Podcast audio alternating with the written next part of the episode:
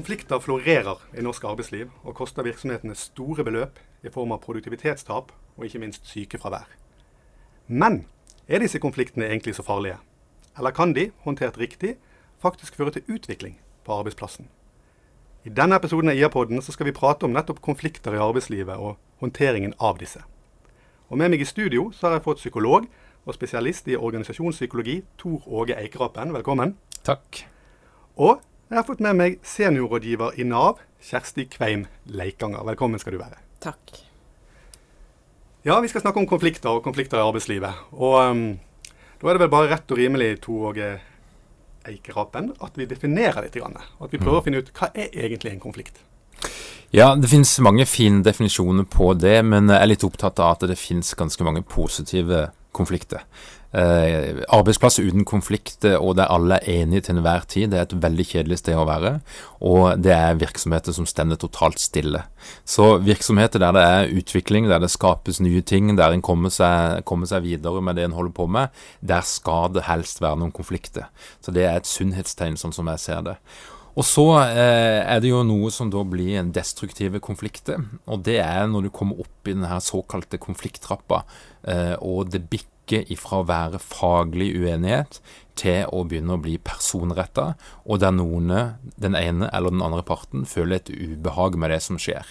Eh, og det som er jo kjennetegner konflikter, det er jo at det er, det er noe gjentagende, det er noe som foregjenger over tid, eh, og det er noe som i hvert fall påvirker en av partene negativt. Og Det betyr jo at den andre, som eventuelt ikke oppfatter det som noe negativt, kan ikke få lov til å definere det som at nei, her er det ikke noen konflikt. Det er nok med én person. Ja, og, og, når vi skal snakke om konflikter på arbeidsplassen, så lurer jeg også på hvor vanlig, hvor vanlig er det? Er det, det er ganske vanlig, og så er det noen bransjer og noen typer arbeidssteder som der det er mer vanlig enn andre. Eh, da er jeg vel på topp ti-lista sykehus, universitetet, kreative institusjoner. Ja, men, men vanlig sånn uh, generelt på, på, arbeidsplassen. Det, det er nærmest litt uunngåelig Ja, altså der, mennesker der mennesker er samla og skal gjøre noe sammen og skal organiseres med alle våre ulikheter og felle ulik forståelse og, og en holder på med, så er det helt naturlig at det blir konflikter. Eh, der det får mest oppmerksomhet og mest, gjør mest skade, det er jo konflikter som får lov til å vare over lengre tid uten at det blir gjort noe. Eh, og det er da du ser de virkelig eh, destruktive konsekvensene. Ja, det er spennende. Og Kjersti Leikanger, eh, du er seniorrådgiver i, Nav og jobber mye med, med, med dette temaet opp mot arbeidsgivere. Og det, det, er litt interessant å vite, høre fra deg da, i, i din jobb. Hva er, hva er, de opptatt av når det gjelder konflikter, og, og er de egentlig opptatt av det? Min opplevelse er at arbeidsgivere er veldig opptatt av å eh, løse eller håndtere konflikter. Og det kan vi for så vidt komme tilbake til senere, for eh, det er vesentlig, to vesentlig forskjellige ting. Eh, kan være. Mm. Eh, arbeidsgivere er opptatt av å ivareta sine medarbeidere, eh, og de eh, er opptatt av å kunne nok om konflikter eh, til å kunne håndtere og ivareta eh, arbeidsmiljø og sine medarbeidere. Eh, det de kanskje er aller mest opptatt av, det er eh, dette her med 'jeg har fått en klage eller et varsel, hva gjør jeg nå?' Mm. Og så er de opptatt av hvordan i all verden kan jeg forebygge konflikter? Eh, og kan det forebygges? Mm. Og så er de opptatt av en tredje ting, og det er dette her med anonymitet. Ja. Eh, hvordan kan jeg håndtere anonyme tilbakemeldinger på jobb? Hva gjør jeg med det? Mm. Ja, og jeg er litt spent også på om du kan si noe om hva de vanligste årsakene til konfliktene på jobben er. Hvorfor oppstår disse konfliktene? Er det mulig å si noe enkelt om? Jeg skal prøve å si noe enkelt om det. Eh, det er mange årsaker. Eh, men hovedårsaken det er ledere som eh, sier de skal gjøre noe, men ikke gjør det. Altså dette mangel på walk the talk. Og her ligger dette her med tydelig rolleavklaring og ansvar. Og dette er viktig. Det å være ryddig på det. Mm. Ja. Og Tog Ekeropen. Mm. En ting er når man skal på en måte gå i møte denne konflikten, gjøre noe, som vi snakker om, mm. og, uh, hvis man skal gjøre det. Men, men, hvem er det på en måte som eier konflikten? Hvem er det som skal gjøre noe på en arbeidsplass? Det er jo ledelsen som sitter med det formelle ansvaret. og Da er det jo så enkelt som det at hvis en leder blir kjent med at det er en konflikt som er en destruktiv type på, på arbeidsplassen, så, så trer det jo inn en undersøkelsesplikt. Arbeidsgiver må undersøke. Og hvis arbeidsgiver da finner ut at her er det faktisk noe som ikke er ok, så er det jo en handlingsplikt. Så det er arbeidsgiver som sitter med det formelle ansvaret. Uh, og i en del situasjoner så kan det jo være at Og det var litt den gamle tankemåten at en legger veldig mye ansvar på arbeidstagere. arbeidstakere. Ja. Der en uh, ber de om å sette seg i et rom og bli enige, og den type metode. og det har en jo sett at ja, hvis konflikten er veldig liten, og før den begynner å eskalere, så kan, kan det jo fungere. Men, men, i utgangspunktet så blir det helt feil å legge ansvar på arbeidstaker. Det er lederen som må gripe inn, og det er lederen som formelt òg har ansvaret. Ja, Men, men det, da hviler det mye ansvar på lederen, da, som, eh, som skal Én ting er å gjøre det formelle og det riktige, men, eh, men samtidig også midt oppi alt det andre disse lederne har. For det er ofte lederen som skal gjøre det mm. meste. Men, eh, men, men igjen, det er det loven sier, at de må, de må, sørge for et fullt forsvarlig arbeidsmiljø. Og det ligger litt i det? Ja, det gjør det, og det er krevende. Det til mye tid. Det er jo en kompetanse som eh, mange ledere ikke har fått med seg. De fleste ledere er jo De kommer gjerne fra et fagmiljø, de, de havner litt tilfeldig eh, opp i rollen sin, og det er heller ikke en sånn obligatorisk del av lederutdannelse. altså De fleste ledere kommer fra masse forskjellige steder. Så, så det er krevende for ledere. Og så er det jo viktig å si at at det er en medvirkningsplikt òg. Sånn at hvis du er arbeidstaker, så skal du ja. bidra, men, men, eh, det er lederen som sitter med det overordnede ansvaret. Ja. Så jeg har lyst til å skyte inn at dette her med verneombudets rolle her ja. er også veldig viktig.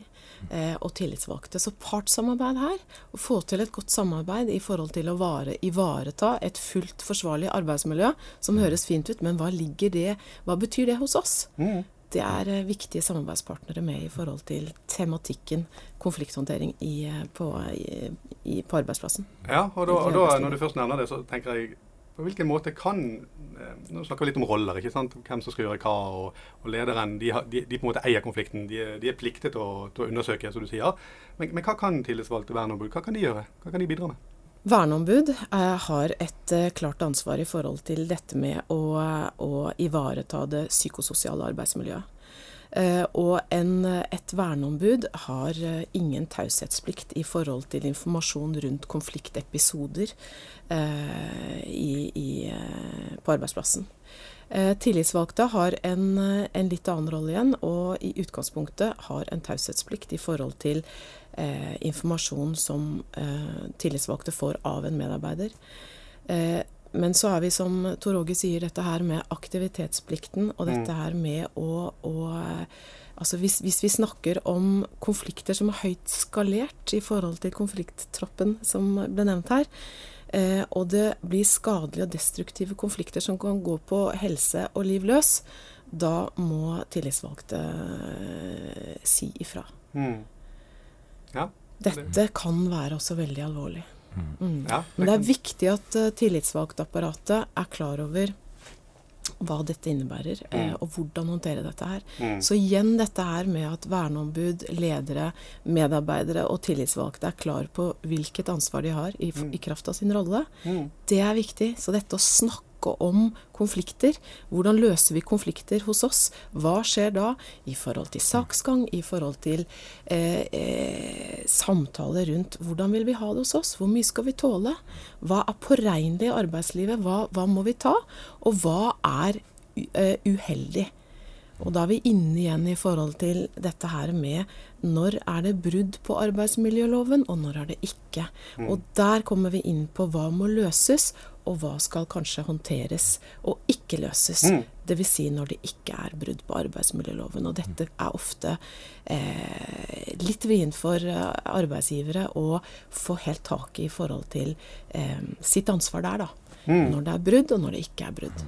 Ja, og det, det syns jeg er kjempebra det du sier der. Og vi skal, vi skal snakke litt mer om det, nettopp det, knyttet opp mot brudd på arbeidsmiljøloven eller ikke. For det er viktig, har jeg skjønt her. Og, men, men, aller først, Kjersti, når du først er i gang her og snakker om eh, roller, og, og vi snakker om arbeidsgivers um, plikt. Eh, din erfaring som seniorrådgiver i Nav og treffer mange av disse bedriftene, mange av disse lederne, mange av disse ansatte i kurssammenheng og andre sammenhenger. Er de, er de gode nok til å, til å møte denne type utfordringer? Altså jeg tenker eh, arbeidsgivere og tillitsvalgte og verneombud som, som melder seg på, på, disse kursene, de er, jo, de er, jo, opptatt av det. Og de har gjerne episoder eh, og erfaringer på situasjoner som de føler eh, dette skulle jeg kanskje håndtert annerledes. Eller dette trenger jeg mer kunnskaper, og jeg trenger en kompetanseheving på dette. Mm.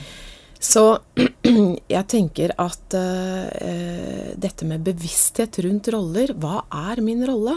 Og ikke minst dette at ledere til, og tillitsvalgte og verneombud setter seg sammen og utformer, gjerne med, med HR-divisjon også, Det kommer jo an på størrelsen på virksomheten, men en, en uh, konflikthåndteringsprosedyre mm. i forhold til hva kan, hva kan, vi forvente oss hvis vi opplever en konflikt hos oss? Mm. Hva ligger i det? Og der ligger også dette med ivaretagelse av det som kalles for en prosessrettferdighet. Hvor utrolig viktig det er mm. for medarbeidere og for ledelsen, for alle å vite at um, Kommer jeg i konflikt, så vil jeg bli ivaretatt. Mm. Min versjon vil høres, som du, som du nevnte, Tor Åge. Mm. Dette her er med å, å bli hørt. Mm. Eh, eh og, og, dette handler om at ledere ikke kan foreskrive eh, en medisin uten å ha kartlagt pasienten. Altså Du må høre begge versjoner, og her ligger dette juridiske begrepet kontradiksjonsprinsippet. Mm. Ja, det og, det, og det, jeg er med på det. og Tor og, og, vi skal snakke mer om det, mm. nettopp hva som må være på plass, og, og mm. viktigheten av det for at det skaper trygghet. Men, men jeg er fremdeles litt interessert. Jeg kan kanskje høre med deg, to òg, Åge om Har du noe inntrykk av om de er rustet der ute i norsk arbeidsliv for å, for å møte dette? Ja, altså Det er jo en enorm forskjell da, på de store virksomhetene, og hvis du er i offentlig sektor eller utenfor offentlig sektor, og de små og mellomstore bedriftene, som jo det er flest av. Eh, og Du kan jo tenke deg sjøl en konflikt i en, en, bedrift som er ti ansatte, der fire av de er i familie. Da begynner det å bli gøy.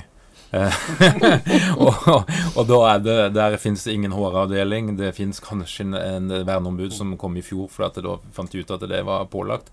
Men det, da, er det, da, er det, krevende. Mm. Men det en sett, da, det er jo at de siste jeg vil si fem årene så har det vært en profesjonalisering av konflikthåndtering, eh, spesielt i offentlig sektor, men òg i flere store private virksomheter, eh, der utrolig mange har reist til Hadeland på kursene til Ståle Einarsson og lært seg faktaundersøkelser og de prinsippene som ligger der.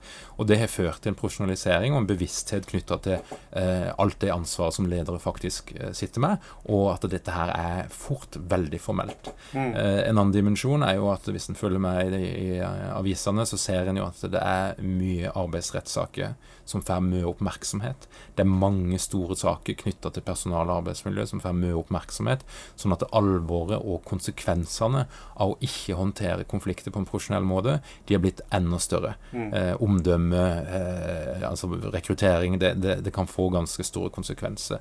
Så jeg vil si at det er Jeg møter fremdeles veldig ofte på uprofesjonalitet uh, uvitenhet når det kommer til dette her feltet. Og så blir vi som er eksterne blir ofte ringt når ting har holdt på i flere år og er blitt så galt at sykemeldingene de, de har begynt å bli uh, ekstreme. Både i varighet og hvor mye det koster. Um, så, så, jeg vil si at det er litt blanda. Men store ja. organisasjoner begynner å bli mer og mer profesjonelle. Uh, og så er det fremdeles langt å gå. Ja. Og, det, og, jeg føler nå, Det er interessant. og det føler når du, nå, nå, har han blitt nevnt her i hvert fall én gang, eh, et navn her som eh, jeg må fortelle litt hvem er. Ståle Einarsen. Som, eh, som for, for, å si det litt enkelt, og en liten sånn guru på, på konflikt og konflikthåndtering. Og det han egentlig er, er jo en norsk psykolog og professor i arbeids- og organisasjonspsykologi knyttet til Universitetet i Bergen.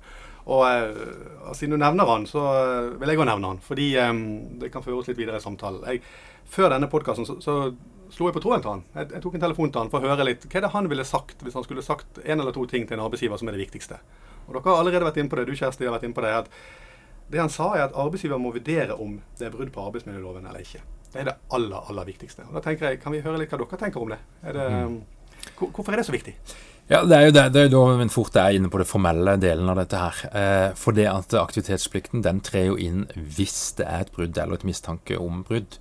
Eh, og, og, hvis det er et mistanke om brudd, så legger det òg eh, noen føringer for eh, hvilken måte skal du gå inn og undersøke dette her på. Og, hvis det er et brudd, så, så må altså da arbeidsgiver eh, gjenopprette arbeidsmiljøet. Og det kan kreve ulike former for tiltak, fra de veldig myke tiltakene til de ganske harde og brutale tiltakene. Eh, og den der bevisstheten der om alt det ansvaret som trer inn hvis det er et brudd, det er en, en kunnskap som ledere egentlig må ha. Mm. Og så er det fryktelig vanskelig det er kjempekrevende å vurdere om det er et brudd. For da kommer det inn noen sånn artige begreper fra arbeidsmiljøloven som er psykisk belastning, integritet og verdighet, utilbørlig atferd. Alle de her ordene er relativt abstrakte, og, og, for folk flest så er det fryktelig vanskelig å gå inn og vurdere en situasjon som er basert på masse følelsesuttrykk, masse psykologi, og skal rydde opp i det og gjøre en selvstendig vurdering av er det et brudd eller ikke. Mm. Eh, og Det er jo da metodikken som Ståle Einarsson har introdusert i Norge, nemlig faktaundersøkelse, kommer inn i bildet. Mm. Men, men krevende uh, vurderinger. Ja. Det jeg har lyst til å skyte inn da, det er at uh, det, dette er jo Ja, det er absolutt noen formelle, noen formelle, rammer her, som du nevner. Og samtidig så er det sånn at så lenge arbeidsgivere gjør så godt de kan, uh, og viser at de har prøvd å håndtere, og ikke minst dokumentert prosessen, så er det ofte godt nok. For det er jo ikke Ledere er ikke psykologer, og de er ikke jurister.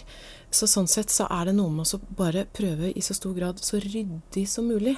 Eh, det, det, det, holder ofte, må sies. Dokumentasjonen er jo Dokumentasjon, dokumentasjon der det syndes mest. ja. Ja. Så hvis ikke det er dokumentert, så er det ikke gjort. Og den, eh, den er det ikke alle som har fått med seg. Nei. Nei, det er faktisk riktig der. Har du hatt et møte og ikke dokumentert det, så er det juri, i juridisk forstand så har det ikke skjedd. Mm. Så da eh, tipser jeg arbeidsgiver om at har du hatt flere samtaler og ikke tatt notater eller gjort, eh, dokumentert eller skrevet en, en, en eh, en, eh, konklusjons, eh, et konklusjonsreferat, om, om, om, ikke annet, så går det an, når du da har neste møte og du merker at konflikten tilspisser seg, så kan du gjøre det som heter et gjenopprettende referat.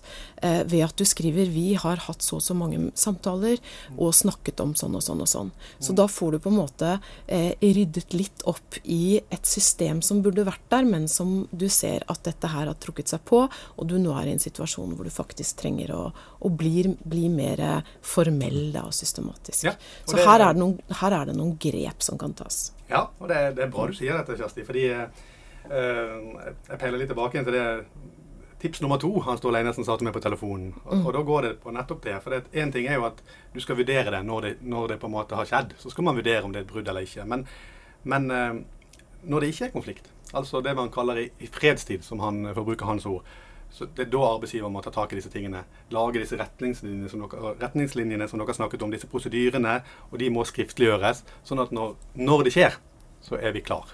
Er, det, er, det, er de gode nok der ute til det?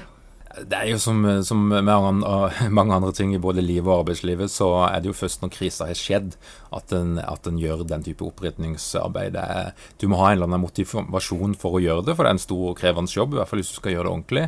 Og da skal du helst ha noen eh, ganske kjipe opplevelser før du, den motivasjonen er på plass. Så, så min erfaring er at det, det settes i gang etter noe har skjedd, og det er for så vidt greit nok, det. Og en ser i, i eh, denne metoo-kampanjen, så, så, er det nok ganske mange som har gått hjem og rydda litt i prosedyrene sine, og, og kanskje etablert noen sånn type rutiner, men det er altså først da det skjer. Ja. ja.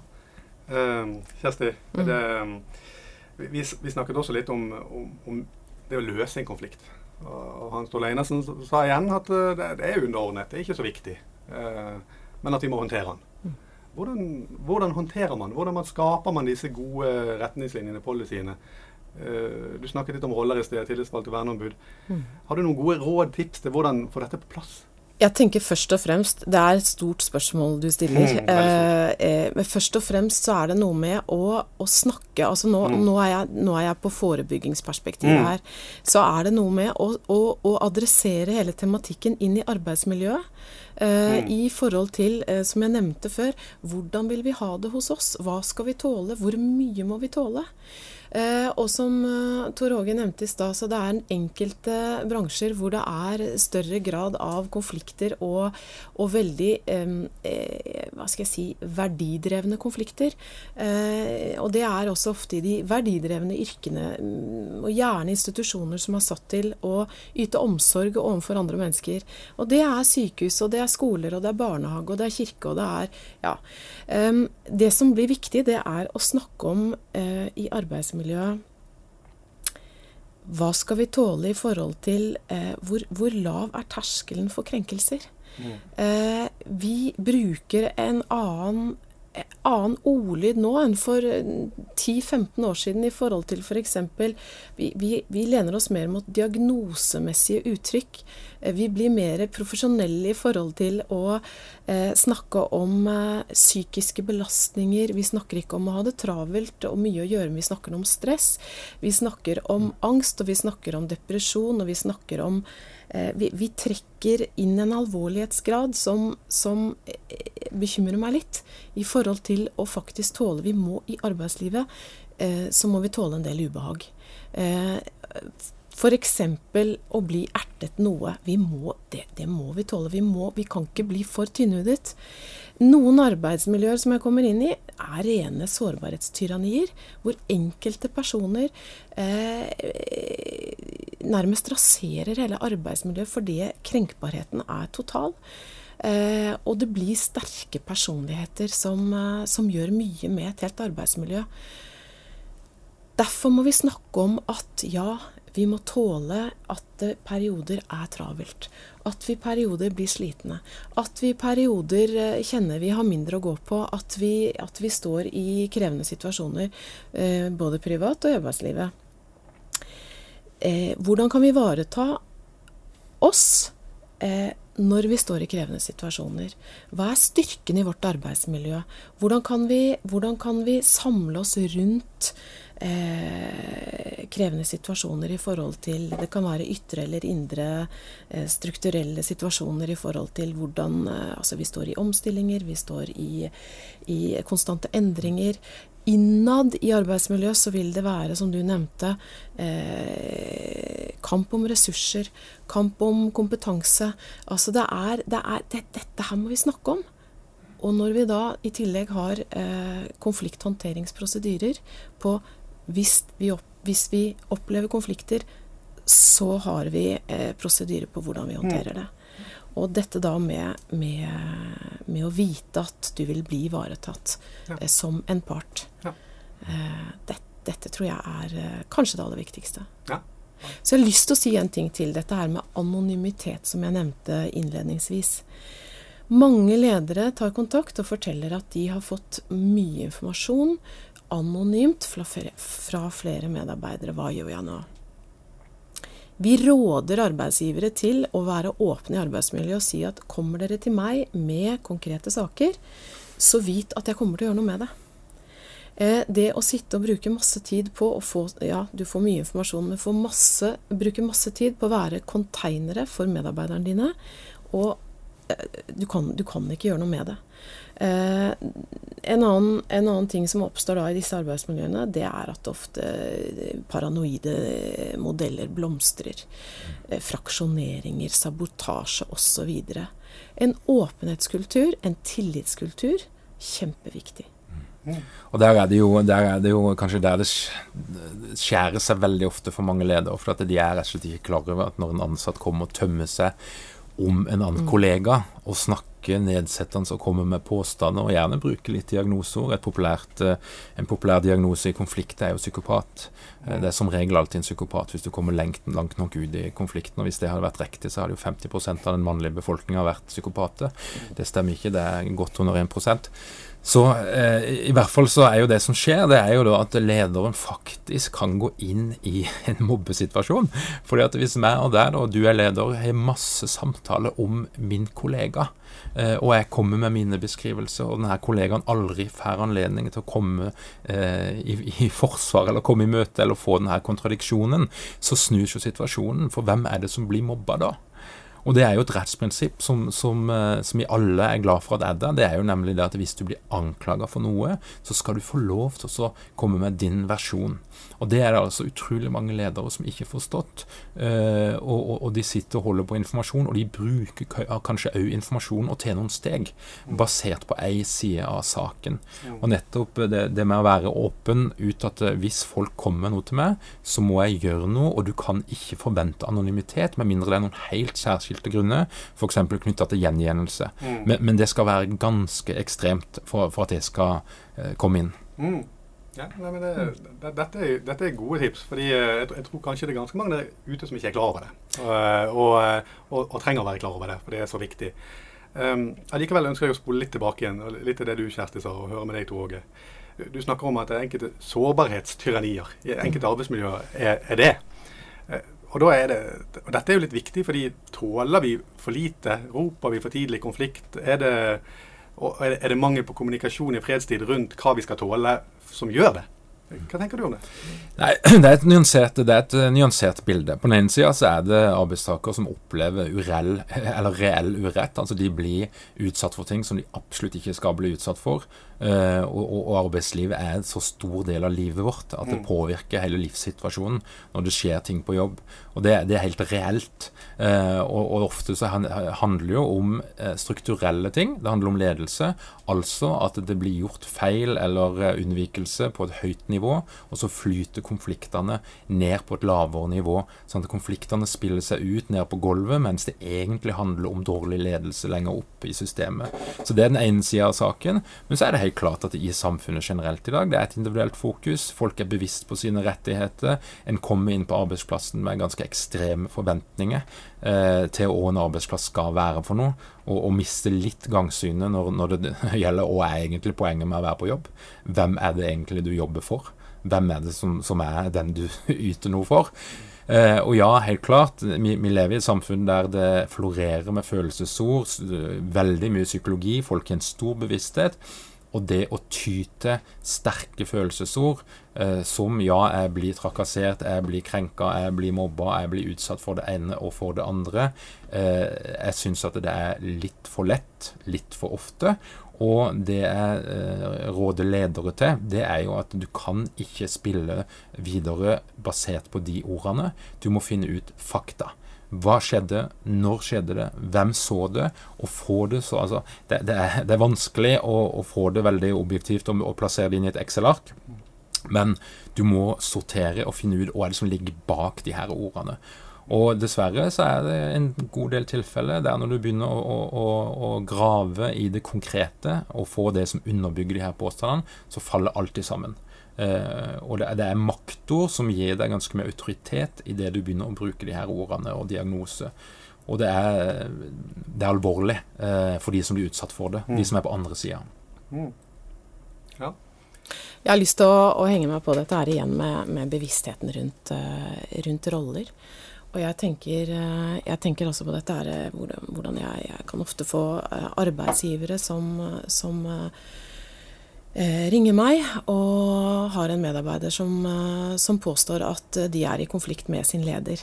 Eh, hvorpå, eh, etter å ha eh, gått inn i saken og, og, undersøkt Veldig ofte så kan det handle om at de eh, medarbeidere er utsatt for ledelse og ikke konflikt. Så det er en del, en del snubletråder der i forhold til å ikke kunne nok om egen rolle som medarbeider. og og for så vidt også lederrollen. Hva ligger i den? Og der ligger, ligger dette her med altså prinsippet med ytelse mot ytelse.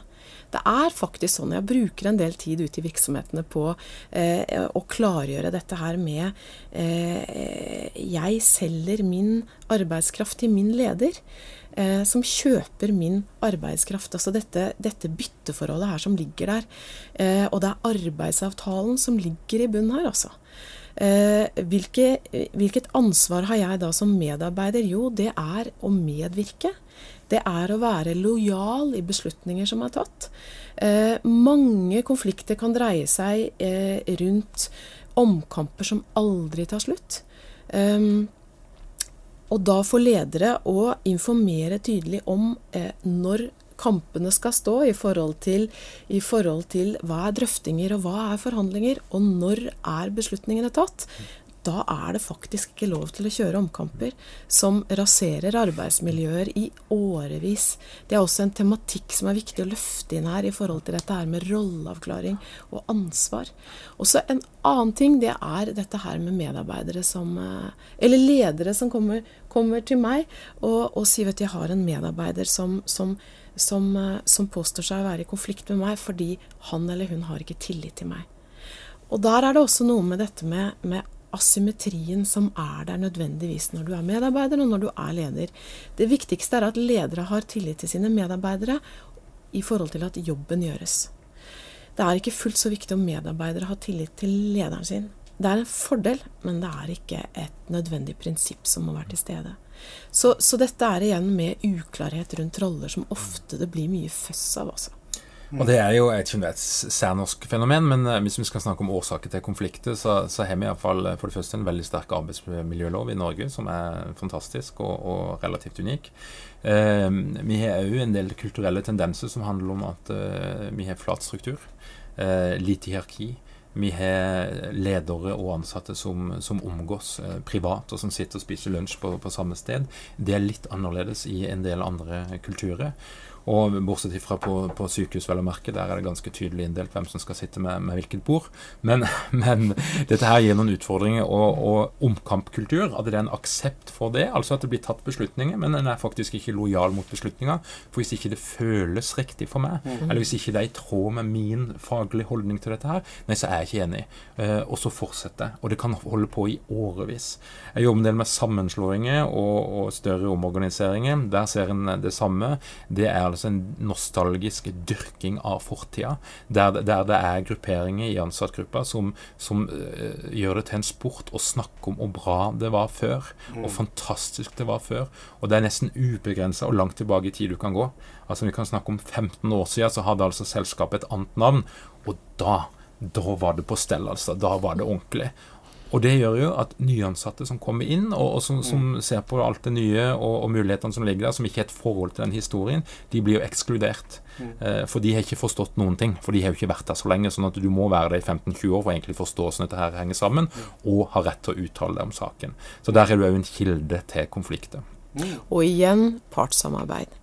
Her er tillitsvalgte og verneombud eh, så viktige samarbeidspartnere ja. eh, i forhold til dette med omkamper og, og, mm. og saker som skal, eh, som skal drøftes eh, og forhandles om i et arbeidsmiljø og på en arbeidsplass. Mm. Kjempeviktig. Her, det, er, det, er, så mye, det er en enorm merverdi ved å ha et godt partssamarbeid i virksomhetene når det mm. gjelder konflikter, eh, og når det gjelder eh, Alt annet, vil jeg si. For å skape et godt arbeidsmiljø. Ja, jo, men, men, men igjen, ja, det her er det mye bra. Og jeg tenker um, En annen ting nå, Tiden løper fra oss, og det holder. Men um, konflikter um, Du sa det litt innledningsvis, Tor Åge, at uh, de, de, er, de, er, litt uunngåelige. De vil komme, og de kan òg være, som mange sier, faktisk faktisk en, en god ting. Eh, de kan være litt sunne for arbeidsplassen. De kan muligens skape utvikling. Eh, det var en som, eh, en som, heter Louis Pondi, som jeg har lyst til å sitere her, som er en sånn konfliktguru fra 60-70-tallet, holdt jeg på å si. Og, eller det var det han var. Og han sa en organisasjon uten konflikt er en død organisasjon. Mm. Og, og, du var inne på det. Ja. På hvilken måte? Nei, Du kan, du kan tenke deg, det blir sånn søkt eksempel, men om, om, det er Apple eller en annen innovativ form for virksomhet, så er det jo umulig å se for seg at de skal skape nye løsninger, ny teknologi, uten at det er faglige konflikter. Det, det er ikke mulig. Sånn at eh, og, og, det er jo utrolig altså, Hvis en skal si noe som stopper et, et arbeidsmiljø i å utvikle seg, så er det jo konfliktskyhet det å ikke tørre å ta opp ting, det å ikke tørre å være faglig uenig, og der alle er mest opptatt av å snakke om så fint vi har det her, mm. så greit det er å være her. Um, og dyrke det. En enighetskultur. Kjempekjedelig, og en, en, en kilde til stagnasjon, rett og slett. Kjersti, er du enig i det? At det, enig. dette kan være en god ting òg? Eh, håndtert ja, riktig, selvfølgelig. Ja, jeg tenker det. God rammer. Ja, og så tenker jeg altså dette her med å dyrke fram eh, altså Hvis vi snakker om mangfoldsledelse, Eh, du verden, det er, det er, spennende. Det vil ikke derved si at det ikke er krevende for ledere. Det kan det absolutt være. Og der, når vi, når vi da snakker om konflikter, så, så tenker jeg en, en, en, grovsortering for ledere kan være er det, er det vanskelig, eller er det ubehagelig? Eh, og veldig ofte så er det det siste. Ubehaget. Eh, det psykologiske ubehaget. Eh, mm. Med all emosjonell støy som, som, ofte skjer, særlig jo høyere opp i konflikttrappen en kommer. Mm. Så derfor er det så viktig å håndtere det tidlig. Mm. Og ansvarliggjøre medarbeidere i forhold til bare det å få et språk eh, på å snakke om uenighet. Eh, hos oss i vårt arbeidsmiljø kjempeviktig. Ja, vil jeg tro. Og du sier håndtere det tidlig. og da da er vel man si, Hvis man ikke håndterer det tidlig og kommer litt seint, kommer litt høyt opp i denne trappen som dere snakker om, konflikttrappen, som uh, sikkert ikke alle kjenner til, men som, som, sier litt om hvordan en konflikt eskalerer. Og Hvis man kommer høyt opp nok opp i den trappen, og det har eskalert, så er det noen konsekvenser. ikke sant? Og hva kan sånne konsekvenser være? Det, fordi at en konflikt er vel ofte resultat av en, av en uenighet og en, og en, avhengighet av andre. Men når denne avhengigheten her ikke fungerer lenger, hva, hva gjør man da? Det er krig når du er på toppen der. Så det er ni, ni trinn i, i denne eh, trappa. Og når du er på toppen, så er alt lov. Altså, Da hagler diagnosene, og du gjør det du kan for å skade den andre. Og du er hellig overbevist om at den andre vil meg uvel, altså den andre vil ta meg. Og uansett om den andre da kommer med eh, konfekt og, og rose, så vil responsen og tolkninga være at de her uh, rosene, der er det sannsynligvis antrax, og uh, i konfekten, den er, den er forgifta. Sånn at det er ekstremt. Og det som er, det som er konsekvensen, er jo at det går utover hele arbeidsmiljøet. Det er ikke bare de ja. eventuelt to som er involvert, men den spenninga der, den trekker andre med seg ned. Mm. Og det er utrolig vanskelig å opprettholde motivasjon og prestasjon i den type miljø. Og det er helt klart at for noen så vil dette her gå utover både den psykiske og fysiske helsa, og jeg er ikke sikker på det er så veldig mye skille mellom der, mm. og, og, og, det påvirker livskvaliteten.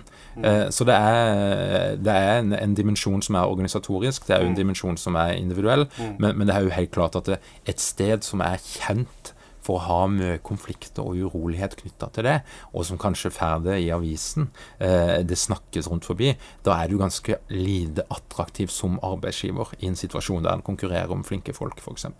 Vi nærmer oss slutten av denne episoden, her, men jeg, men jeg er litt uh, nysgjerrig likevel. Sånn, uh, for, å, for, å, bli litt tabloid på slutten her, så tenker jeg å spørre begge to.